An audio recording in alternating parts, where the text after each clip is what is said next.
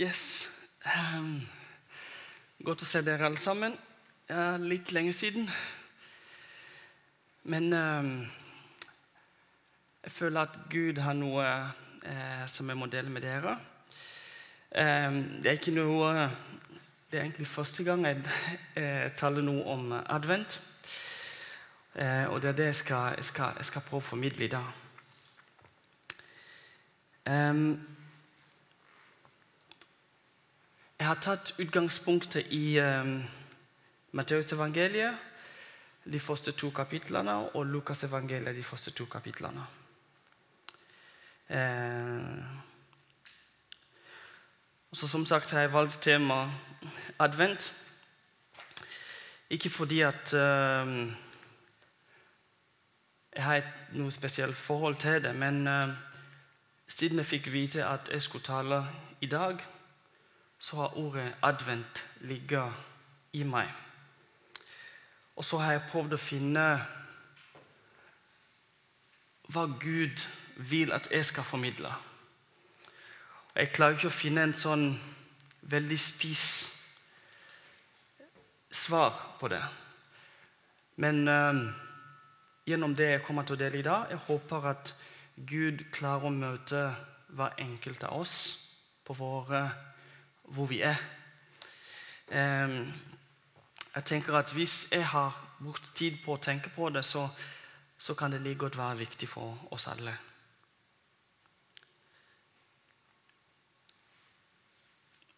Det som har skjedd for meg i de årene som har vært Jeg har en, um, en bakgrunn som en uh, Det er ikke alltid lett å forklare hva slags menighet jeg kommer ifra. Men uh, det het The Anglican Church som er nokså nok nærme luthersk, egentlig. Um, og, og, da har vi tradisjoner. ikke sant? Når vi kommer til advent, da må du liksom forberede deg sånn og sånn, og man har rutiner. Og liksom. Og det som skjer, er at uh, man kommer inn i disse rutinene og tradisjoner. Og gjennom de tradisjonene og rutinene man, Det er stor fare for å glemme det som er egentlig meninga med advent eller meninga med tradisjonen. Eh, og, og, jeg, ser mer og mer over tid at eh, advent ofte går forbi meg uten at jeg har fått nok tid til å roe meg ned og fokusere på det som er viktigst. Eller det som er det egentlige meningen med adventstid. Eh, og det kan nok være bare meg, men, eh, men, jeg tror at det er viktig at uh, jeg deler det som jeg kjenner i hjertet mitt om dette. Eh, kristne bruker de fire uker, er ikke det fire uker på å liksom forberede seg eh, for jul og, og for å huske den, den virkelige betydningen av jul. Uh, og Det er nettopp den betydningen der og den det, det fokuset der som jeg ser eh, slår ut forskjellig for alle mennesker. Selv når vi eh, har akkurat samme utgangspunkter. Altså, Jeg kan bo i samme hus. Jeg er gift med Ann-Katrina. Vi kan bo i samme hus på samme tid, og så oppleve advent forskjellige. Um, og Da er det interessant for meg å liksom gå tilbake og tenke hvordan var det for noen i Bibelen? For advent i seg sjøl er et ord som kommer fra latin, og det betyr å komme, eller kommer, eller kommer. Eh, og, og når det, spesielt når det er juletid, så tenker man på Jesu komme, altså som Jesu fødsel. Eh, og Temaet denne høsten har vært oppover, fokus oppover. Og, og sånn sett så er egentlig jula riktig for temaet. At vi minnes om Jesu fødsel og betydningen av det for oss. Og Da drar det oss naturlig til å tenke på Gud og ha fokus på Han. Utfordringen for oss er at det er masse annet som skjer samtidig. Eh, både av åndelige ting og, og praktisk, det praktiske som skjer rundt oss. Og det gjør at fokuset blir vanskelig å opprettholde. Um, og så har vi i år fått en, en gjest som vi kunne ha vært foruten. Han som het korona. Og han har gjort at det, det har blitt enda mer komplisert, fordi at de vanlige rutinene må tenkes om. ikke sant? Det er en, enda en ekstra dimensjon som vi må tenke på. Altså, Vi er samlet her nå på en kveldsgudstjeneste som egentlig skulle vært en, formiddags, en formiddagsgudstjeneste. Så jeg har, jeg har, valgt å plukke noen eksempler fra Bibelen for å vise litt hvordan andre har håndtert eh, adventstiden. Og så håper jeg at gjennom de eksemplene som jeg kommer til å plukke nå, at vi finner hver vår egen måte å tenke gjennom advent på. Slik at det gir mye mening, men, det, men uh, mye mening og, og, mye mer en personlig personofil. Uh, en personlig um, mm? Personal touch. Um, ja. Men i hvert fall sånn at advent blir mye mer personlig for oss som enkeltindivider. Og som jeg sa, jeg, sa, jeg har tatt utgangspunktet i Matteus og, og Lukas. Eh, og jeg har eh, Jeg tror jeg skal plukke fem eksempler. Eh, ikke, ikke enkelt, eh, enkle personer, men, men eh, ja, fem, fem eh, karakterer som jeg har valgt ut av de tekstene. Det første er de vise mennene som, som kom fra Østen. Østen. I Matteus 2, eh, andre kapittel, vers 1-12, så leser vi om, om de vise mennene fra Østen som brukte kunnskapen sin til å tyde tydene. Og de klarte å oppdage en spesiell stjerne som hang i himmelen. Og ikke bare det, de klarte å koble den stjernen til Jesu fødselen. Og eh, de nøyde seg ikke bare med å lage den koblingen og være fornøyd med, med, en kobling som de har funnet ut av, men de, eh, de tok noen steg eller noen grep for å liksom ta det videre, gjøre det personlig. De lærte mye på et kunnskapsnivå, og så tok de kunnskapen inn i hjertet og, og fulgte etter det. Eh, så de gikk til Jerusalem for å møte kongen, jødenes konge. Og, og selv, selv, om ikke de visste akkurat hvor barnet var født, så tok de sjansen og sa at vi går der vi føler at stjernen leder oss til, og så skal vi spørre de som bor i området. Og da, Det er sånn de havnet hos kongen og spurte hvor jødenes konge var. Poenget mitt er at de tok kunnskapen sin, all den kunnskapen de hadde, og brukte den i adventstiden til å forberede seg eh, for det som skulle komme, og for å gjennomføre løypet, hvis, hvis, det går an å si det sånn. Eh, altså de, eh, de, de, lot ikke kunnskapen ligge kun i hodet. De tok den ned til hjertet og gjorde noe med, det, med den. Så skal jeg uh, ta ut um, kong Herodes. Han tok en litt annen tilnærming.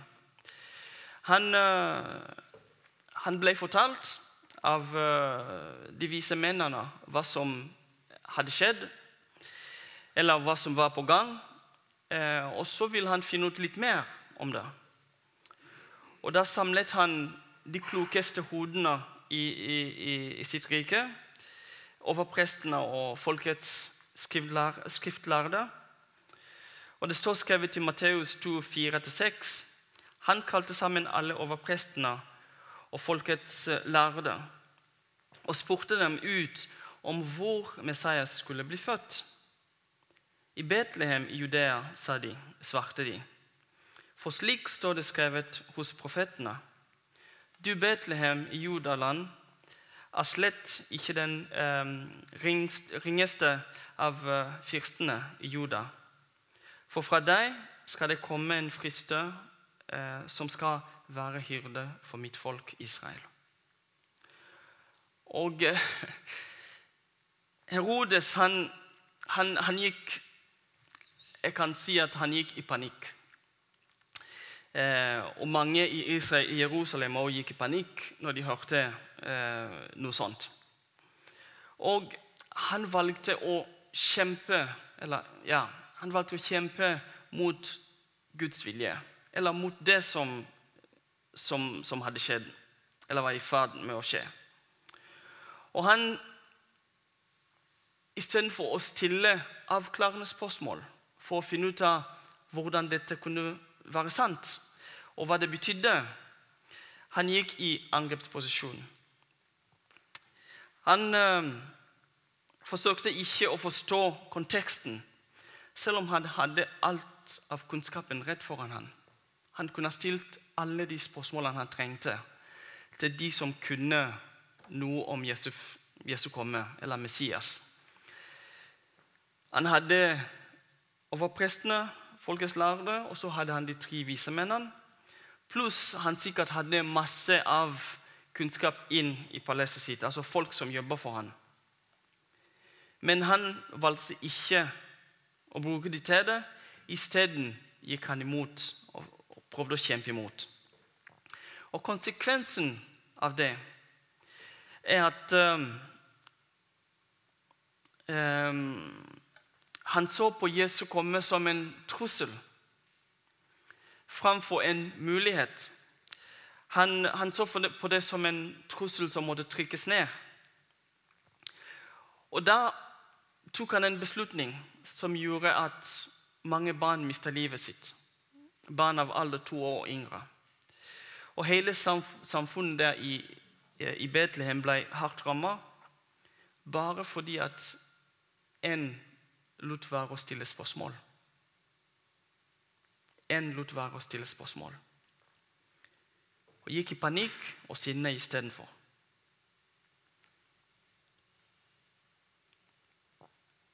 Og Så vil jeg eh, plukke ut over prestene og folkets skriftlærde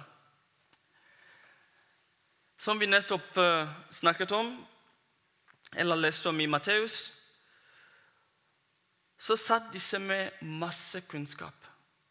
De satt med masse kunnskap om det som hadde skjedd, om det som skulle skje. Men de klarte ikke å få med seg verken adventstiden eller Jesu fødselen. De gikk glipp av alt, selv om de satt med kunnskapen. ikke sant? De visste at det skulle komme et barn. De visste det var i Betlehem. Men de gikk glipp av hele. Og De satt sammen med kongen. Han stilte spørsmål om det. De ga han svar om det, eller svar på det. Men selv klarte de ikke å se det. De kunne ha spurt kongen hvorfor spør du Han kunne sikkert sagt nei, jeg har noen her som sier at de har fått et barn, og de vil eh, tilbe ham. Og Da kunne de liksom ha hengt seg på for å finne ut av det. Men det gjorde de ikke. Ikke sant? Satt med kunnskapen. Det ser ut som at de var mye mer opptatt av å kunne mer enn å bruke det de kunne. Eh, de, tok med, de tok til seg kunnskapen bare for kunnskapens skyld. De var mye mer opptatt av å vise utad at de trodde mer enn å faktisk innerst inne å tro. De valgte å lære andre eh, mye mer enn å gjøre det sjøl. Jeg stiller opp gjerne, forteller dere hva dere skal gjøre, men eh, jeg vil ikke være med på det dere skal gjøre. De nøyde seg med å overlevere kunnskapen til andre eller til kongen i dette tilfellet, eh, og tok ikke steget videre, eh, som faktisk kunne hjulpet dem til å liksom oppdage noe mer om den kunnskapen som de hadde, eller som de satt med. Og Vi må huske at det var bl.a. akkurat disse skriftlærde og og prestene og, prof, og, ja, og fariseerne som, som Jesus brukte ganske mye tid sammen med i oppveksten sin. Altså Fra han var ungdom til han begynte tjenesten sin, så brukte han masse tid i tempelet sammen med dem. Allikevel så klarte de ikke liksom å fange opp Jesus og betydning av hva han sto for. Og Det er spesielt skremmende for oss som, som deler evangeliet, eller som taler, eller som leder menighet. ikke sant? Fordi at vi sitter med kunnskapen, så sitter vi med Guds ledelse, Guds velsignelse og, og alt som andre kunne, kunne, ønske seg, sitter vi med. Og så hender det at egentlig ikke vi klarer å liksom fange opp når Gud er i bevegelse, når han skal gjøre noe iblant oss. Så klarer vi allikevel ikke å oppdage det. Det er veldig synd. Men det er, det er et eksempel på måten advent kan bare gå forbi. Og du sitter der og ikke liksom får tak i eh, essensen med det. Og så har vi Simeon, eller Simeon Jeg vet ikke hvordan det uttales på norsk, men Simon. ok. I Lukas 2, 25-35 så leser vi om en mann som bodde i Jerusalem, og som, og, og som het Simon. Eller Simo, Simeon Simon. Ok, Simon. Um, og Da står det i Lukas 2, 25-26 at han var rett, rettskaffen og gudfryktig og ventet på Israels trøst. Den hellige ånd var over ham, og ånden hadde latt ham få vite at han skulle ikke, dø, ikke se døden, for han hadde sett Herrens salvede. Altså, han var midt i adventstiden. Han sto og venta på at Jesus skulle komme. Og han var kobla til Den hellige ånd, eller kobla på Den hellige ånd. I hvert fall han var fullt av Den hellige ånd. Og han var veldig klar for å se Jesus komme. Og Det står skrevet videre i vers 28 og 29 at han tok barnet når, Jesus, når de kom med Jesus, altså Maria og Josef, når de kom med Jesus til tempelet. Fordi at um, eh, den gangen så var fostermann eh, alltid gitt over til Gud. Altså du, du kom med ditt fosterbarn og, ga, og, overga barnet til Gud. Eh, og Det gjorde Josef og Maria denne gangen, og så, og så var han i, i, tempelet. Og Bibelen sier at egentlig var Den hellige ånd som, som, som eh, som eh, brakte han til tempelet. Eh, så han tok barnet opp i armene sine. Han lovpriste Gud og sa, 'Herre, nå lar du dine tjener, tjener fare herfra i fred, slik som du har lovet.' Og hvis du, hvis du, har tid, bare ta deg tid til å lese resten av teksten. Veldig nydelige ord som han, eh, han, han sier, for han velsigner familien eh, til Marie og Josef. Og Simon, han, han går eh, Går det an å si 'all in' på norsk? Åssen sier man 'all in'? Ja. Han, han, går, han går all in eh, eh, i den åndelige veien. ikke sant? Han, han ser bort fra alt annet og har fokus på å se Jesu komme. Og han er til stede. He's alert and awake. Eh, så opplever han adventstiden veldig sterkt. Eh, og han fylles med fred på toppen av Den hellige ånd. ikke sant? Og når han, når, han, når han, hadde sett Jesus, så følte han at ok, mitt er gjort her på jorda. Jeg er klar for himmelen nå. Og hans fokus var bestandig oppover. Hans fokus var bestandig oppover. Så har vi på nummer fem jeg har, jeg har fire, styk, fire grupper som jeg har satt sammen. Og Det er Maria, Josef, Elisabeth og gjeterne. Og Det er fordi at de har en sånn fellestrekk. Um, disse alle sammen, de velger å tro, selv om ikke de helt forstår helheten i det om at Jesus, Jesus kommer. Eh, hvis du tenker på Maria hun, um, I Lukas 1, 26-38 Hun får et besøk av engelen Gabriel. Og så får hun et budskap som hun bare aksepterer. Hun bare, tar, hun bare tar budskapet til seg. Selv om egentlig det er en høy risiko ved det. Fordi at på den tiden som i dag, det, det var vanskelig å si at du har et barn utenom ekteskapet. Det var, det var en sånn vanskelig situasjon. Men hun sa vel hvis Gud har sagt det, så la det ikke sant? Jeg tar det til meg. Jeg skjønner ikke at det skal være sånn, men engelen kom og sa det, så jeg bare, bare tar det til meg. Um, så, så hun på engelsk, på, på engelsk She embraces even though she doesn't understand. Hun tar det til seg. Og så hadde Josef, som ved flere anledninger fikk budskap fra Gud igjen i, i drømmer. Og, og, det står skrevet at han, han sto opp, og han gjorde det han hadde blitt fortalt. Og så er jeg spent på om han fikk tid til å stille spørsmål i drømmene. Det vet jeg ikke, men det står ikke i Bibelen. ikke? Det bare, sier, det bare står at han fikk beskjed om å gjøre sånn og sånn, og så gjorde han det. Ikke noe spørsmål. Han tok til seg Maria, som hadde et barn som ikke var hans sitt. Han dro på flukt til Egypt for å beskytte det samme barnet som ikke var, øh, var sitt. Eh, og Da familien kom tilbake fra Egypt, da måtte de eh, til Nasaret. Også av samme grunn, pga. dette barnet som ikke var hans sitt. Han var veldig trofast mot det ordet han fikk, selv om han ikke nødvendigvis forsto helheten. Advent. Du går og venter på noe som du har fått kanskje kunnskap om eller ikke, men allikevel du velger å tro og så vente.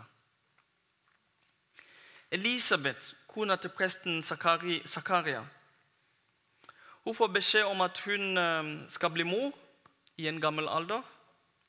Lukas 2,25 sier hun dette har Herren gjort for meg.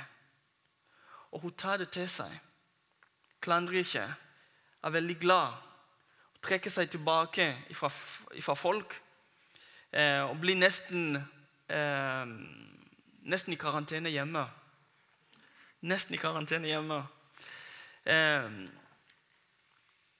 og, og, hun, og, hun, og, hun, er villig til å, til å ta imot, selv om ikke hun forstår helt hva slags barn hun skulle føde. Ikke sant? Det var Johannes, dåperen. Eh, men allikevel så, eh, så, velger hun å tro på det hun har fått fra Gud. Og så har vi gjetere som levde, gjeterne, ja, som levde egentlig stort sett marka, ut. Eh, ikke hjemme blant folk. De levde med dyrene. Og de hadde lite tilgang til kunnskap. I hvert fall, Du kan, kan ikke sammenligne den mengde kunnskapen som de hadde, med den mengde kunnskapen som skriftlærde hadde, eller oversteprestene, eller fariseerne, eller sadukeerne. Du kan ikke sammenligne. Men det lille, de, den lille kunnskap, kunnskapen de hadde, det bevarte de i hjertene sine. Og med det så holdt de en åpenhet overfor Gud som gjorde at når en stor nyhet om Jesu fødsel kom, så var det de som fikk beskjed. Ikke sant? Hvorfor skulle ikke englene inn til tempelet og si det til, til de som hadde kunnskap, egentlig?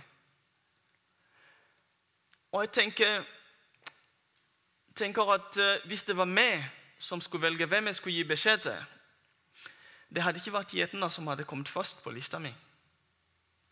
Altså, Tenk på det i dag. Hvis, Hvis du satt hjemme og fikk beskjed om at eh, det vil ikke skje, fordi at Bibelen sier det Ingen, ingen vet når Jesus kommer. Men la oss si at du satt i stua og mediterte over noen skrift du hadde lest. Så kom engelen og sa til deg at om to timer så kommer Jesus. Ikke sant? Og du var veldig overbevist på det, eller om det.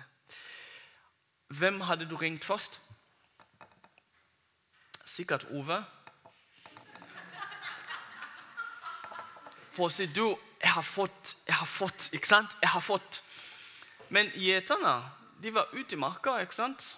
Ingen hadde husket på dem.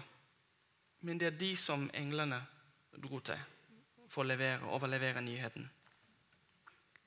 Midt i all den jobben og all det strevet som de hadde både natt og dag, så klarte de allikevel til å holde fokus åpen på Gud. Og gjennom det fikk den der velsignelse av å være de som får budskap eller beskjed fra Gud gjennom en englekor. Tenk på det.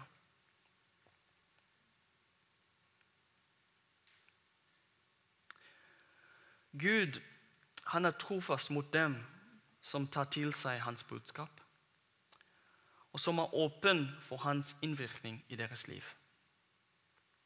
Han er trofast. Og så kunne jeg ha tatt veldig mange mer eksempler. Fordi at vi har folk i gata som ikke visste noen ting. Mange som ikke hadde kunnskap den gangen. Som også Altså, advent er det om du, om du vet at det er advent eller ikke, så er advent der. Eh, så har du disiplene. Når de ventet på Den hellige ånd Jesus sa til dem, 'Vent, Den hellige ånd kommer'. Så er det en sånn advent for de år der. At de går og venter, og når skal Den hellige ånd komme? Hvilken form? Skal han ha? Hvordan skal vi kjenne han igjen? Hvem får budskapet? Hvem får beskjed? ikke sant? Hvem blir førstemann til vite? Det er jo et advent. Et land kommer, du står og venter. Hva med folk i Noas tid som sto der? Noah sier du, det kommer en flom. Og så er de opptatt av alt annet enn flommen. Alt annet enn flommen. Og så har du israelsfolket som var i Egypt. Moses kommer, og så sier han du, dere, Gud har sendt meg for å hente dere ut. Så sier de nei, det kan ikke stemme. Det er første reaksjon. Nei, det kan ikke stemme. Israels folk i Babylon Når det var tid for å forlate Babylon og gå tilbake og bygge opp igjen ikke sant? Nehemias tid. Og så videre og så videre. Jeg prøver å dra det litt for å si at advent er ikke bare den tiden vi opplever nå, og venter på Jesu fødsel. Advent er et ord som betyr 'kommer' eller 'kommer'. Og da tenker jeg hva er vår adventstid? Vi står og venter på Jesu komme andre gang.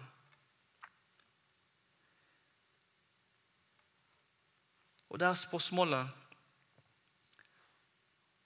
hvordan venter du, og hvordan venter jeg på hans komme? Hvordan venter du, hvordan venter jeg på hans komme?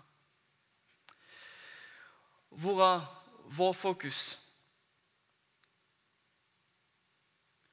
Hvordan bruker vi den kunnskapen som vi har tilegnet oss, til nå?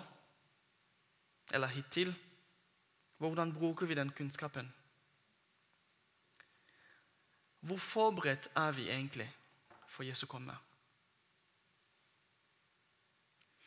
Og Jesu først, Jesu først komme, den ligger bak oss. Eh, og vi må ikke glemme det. Vi må minnes om det, og det er viktig. Men hans andre komme ligger foran oss. Og der er det mye som kan gå både riktig vei og gal vei. Og Det er derfor jeg stiller de spørsmålene. I hvert fall det er de spørsmålene jeg har hatt i hodet mitt ikke sant? i det siste.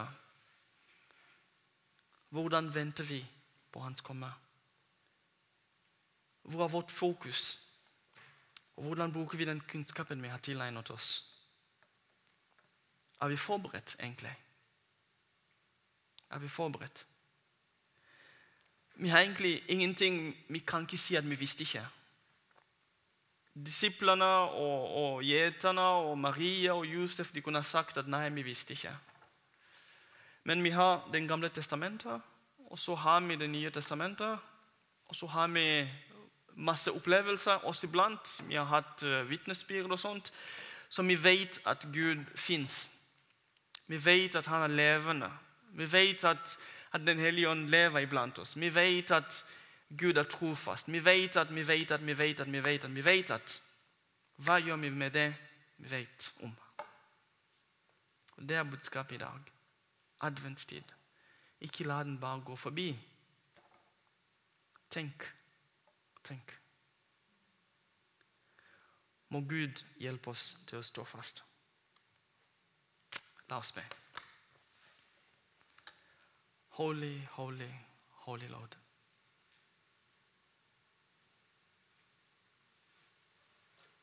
We thank you very much for your loving kindness and for your graciousness towards us. That you chose to give up your holy place, Jesus, to come down and live among us and suffer among us and experience hunger and experience suffering. So that we, who actually didn't even care about you, can have a chance to come and sit with you in heaven. And we sing these words like we sang today I am a child of God. That is who I am. Because you came and died on the cross for us. And you have given us a lot of knowledge through your word, a lot of knowledge through your teachings, a lot of knowledge through the miracles you did a lot of experience through the Holy Spirit you've left with us. We pray, Lord, that you open up our hearts to understand the depth of your word, that you open up our minds to understand the strength of it, that you open up our hearts to embrace it, and that you teach us to put it into action. And then we remember to pray that, Lord, you forgive us for our sins.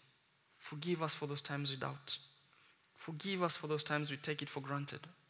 Forgive us for those times we forget about you and are taken by all the practical things that happen around us.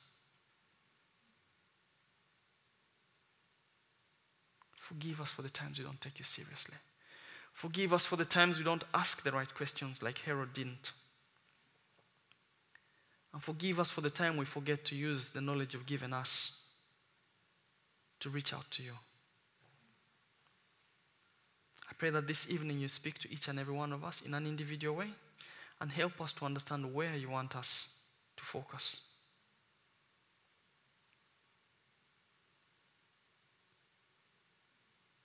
Bless us, O Lord, and help us to stand firm.